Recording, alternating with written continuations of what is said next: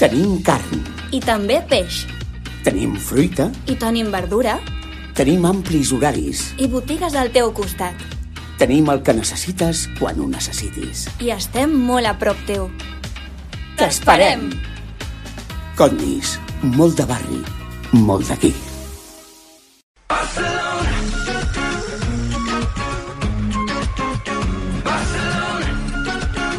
Com cada dijous, o pràcticament cada dijous, a aquesta hora redescobrim una miqueta a Barcelona amb la creadora de contingut Sara Martín. Sara, bon dia. Hola, bon dia. Com estàs, Sara?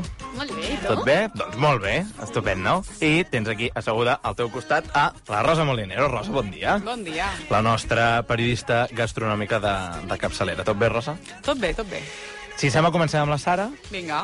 Per tant, comencem anant a descobrir racons que potser el, per molts eren ocults de eh, la capital i després anirem amb, amb la Rosa i els seus descobriments eh, gastronòmics que també ens porta cada setmana. Recordeu que la Sara Martín a Instagram és Sara Postcard i, i allà és on penja doncs, molts d'aquests descobriments que després nosaltres aquí ampliem eh, al món a RAC1. I avui Sara, i això va bé per la calorada que fa, més que res, per anar-se a refugiar i a buscar ombres. Ens vols parlar de jardins, no? Sí. De jardins amagats, ocults o diferents. Val, doncs comencem jo. Aquí tinc apuntat, clar, jo sempre vinc a cegues a, amb tu perquè, mm, doncs, per, també per anar, anar descobrint les coses que, que ens expliques. Jo tinc aquí apuntat un que és Jardí dels Cactus. Sí, és, és un jardí molt bonic, sobretot per anar per la tarda, quan cau el sol, Mhm. i en parella o una cita romàntica així de les primeres, eh, perquè està tot replet de, cla- de cactus de molts tipus. Hi ha un que és molt graciós per la seva, pel seu nom, es diu El sillón de la suegra, no sé per què li hauran dit així, però... Vés a saber. Ah, sí.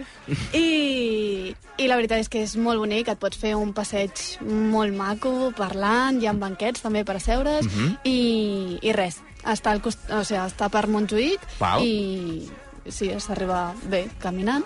Jardins de mossèn Costa i I Llobera, Llobera, no? I està ple de cactus, alguns d'aquests, com el de... El, aquest que com es deia, el sillón de la... De la suegra. Collons de la sogra. Va. Aviam, també tinc un altre jardí aquí a apuntar, que és un jardí dins d'un hotel. Sí, sí, sí, sí, doncs pots entrar a un jardí públic, és completament públic, no, no us faran fora, a no ser que feu alguna barbaritat. Com a tota tot arreu, Doncs sí, això. clar, clar. Sí. Podria I- passar aquí el monoracó ara. Però mira, a la Mar li ha anat a poc. De, doncs sí, es diu um, Jardins Mossèn... Ah, no, aquests són els altres. Aquests són els... Eh, eh, perdona. eh, són jardins que estan ocults dintre d'un d'un hotel que assent, es pot entrar per, per l'hotel o Sí. es pot entrar per un, per un ascensor. Ah. I, I ara estic buscant a l'hotel perquè no me'n recordo i Del m'ho nom. he ficat... Ma... Sí, del Ara ho nom. busquem. Però- I es diu... Vale, ja el tinc. Eh, Com és? es diu Jardins de la Casa Ignacio de Puig. D'acord. Sí, és, si ho, tro- ho busqueu al Google Maps, mm Mhm. -hmm. us sortirà per on entra i per tot. I... I aquí, clar, un ascensor exterior que... Està amagat. Que està amagat, eh, sí, està l'ascensor? molt, és molt complicat de trobar-lo. És molt més fàcil entrar per l'hotel, ningú et diu res, entres Mhm. mm -hmm. i, i ja està. I, i està molt, o sigui, és també molt romàntic i molt bonic, perquè hi ha com una mini cascadeta, i hi ha uns banquets, i per la nit hi ha com llumetes, i és com... Que allò de- després d'un de- després d'un sopar, sopar, exacte. així romàntic, doncs vas a sorprendre aquesta persona especial, eh, quedes molt bé. Està bé, està bé, està bé. Està bé. És un- Em, sembla, em sembla molt blanc. Després hi ha un altre jardí també amagat, en aquest cas no en un hotel, sinó a una universitat. Mhm. Sí, A la Universitat de Barcelona. Sí, a la Universitat de Barcelona, a Plaça Universitat. Mhm. No sé si ho sabia, bueno, si no ho saps o no has estudiat allí, és complicat És complicat que saber-ho. puguis saber-ho, si no t'ho han vingut a explicar. Sí, exacte. Si no em sabeix, no. Sí. Si no seguiu Sara Posca Clar, clar. d'Instagram, és que clar, clar. doncs sí, a dins eh, pots entrar a la, a la Universitat de Barcelona, a la plaça Universitat, i allí dintre eh, està un, un jardí. De fet, allí també es va gravar Merlí, la famosa... Bueno, Merlí Sapriaude, la segona. Sí. Així que si, si voleu anar a donar una volta també hi ha com moltes floretes i et fiquen els noms dels arbres i tal. O sigui, per anar així a, amb, amb amigues, a fer postureo o pa- amb I la allà cita també. hi, està hi molt pot bé. anar eh, qualsevol, eh? Qualsevol. No cal que siguis estudiant de la... No, clar, o sigui, Ah, Mira. són jardins públics al final, Clar. Mhm. i també és una universitat pública, aleshores pues, sí, pots entrar i... Bueno, i a mi mai m'han dit res per entrar, aleshores, i a ningú que conegui. I l'últim, en aquest cas em sembla que aquest està a Montjuïc, Sí. que és un jardí amb coixins musicals, això m'ho has d'explicar bé, i una tirolina, també. Vinga, sí. posem-hi coses. Doncs sí, és, eh, és un jardí, eh, són els jardins de Joan Brossa, que estan a, a Montjuïc, Mhm. a, al costat de les piscines olímpiques, doncs, doncs allí al costat. Eh, doncs entres i, i és bastant gran.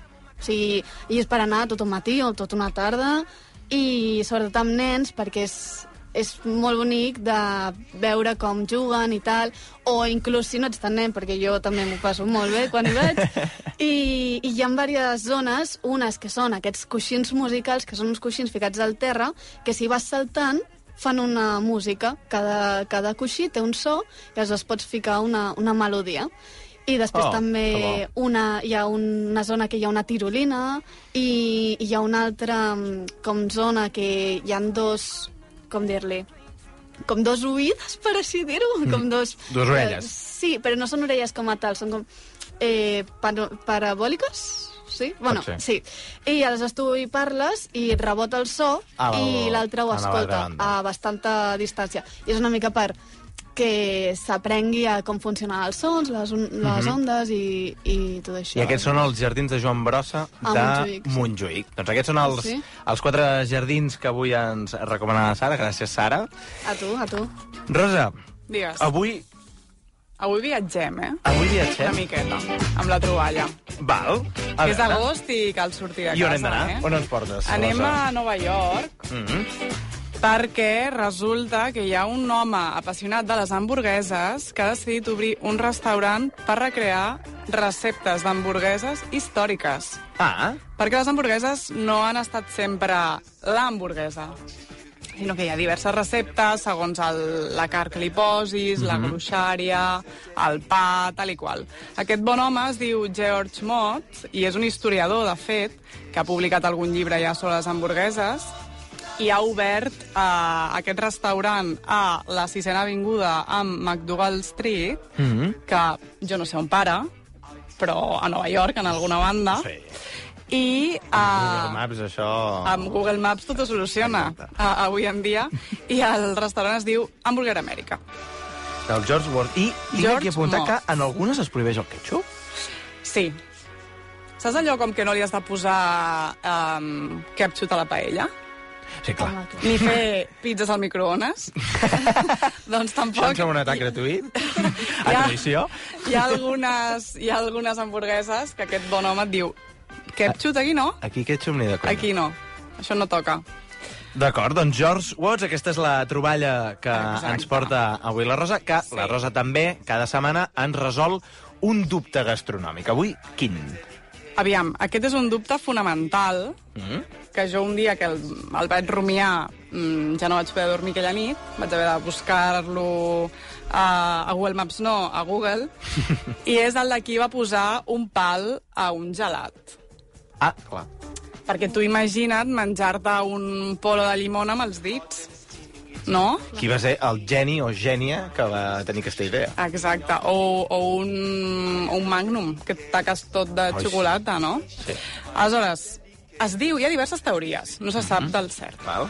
Aleshores, es diu que va ser un, un nen que es deia Frank Epperson, que quan tenia 11 anys va deixar un suc amb una cullera, que jo m'imagino, per què deixaria la cullera dins el suc? Potser era perquè su- era suc d'aquests en pols, no?, dels Estats Units, Potser sí. el tanc i aquestes Allò que va coses, així, no? que has de remenar... Quin fàstic, i tal, i allò quin que- fàstic, sí. Bueno, és com prendre-t'ho un medicament. Això mateix. Però aquest pobre noi es va, ho va fer així, va gelar aquella nit a San Francisco i a l'endemà va treure el suc clavat a la cullera. Mm. Allò com fèiem amb els petits suís, tu Sí, ho feies o no? i tant, Sí. i tant. Doncs, doncs això. Però, que clar, El podies fer amb, amb Coca-Cola o amb Fanta taronja. Amb Fanta de- Coca-Cola? No, espera. Els patissos per una banda, sí. Però vull dir... No, perquè a mi automàticament m'ha vingut una altra imatge al cap, que eh, jo quan era petit compràvem com una mena com de fundes de ah, plàstic silicona Sí, com una glaçonera, com Ah, però una per... mena de... Val. de I feies... eh, allò, hi posaves la coca, li posaves també un pal, i llavors ho posaves al congelador i després tenies doncs, un polo de cola. Que bonic. Sí.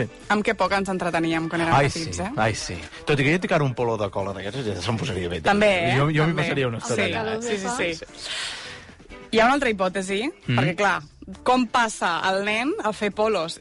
Clar. Saps? Clar. Vull dir, no, és complicat. Aleshores, hi ha una altra hipòtesi que diu que va ser un pastisser mm. que va mullar un gelat en xocolata i llavors va pensar, la gent aquí mm, s'embrutarà les mans que déu nhi mm.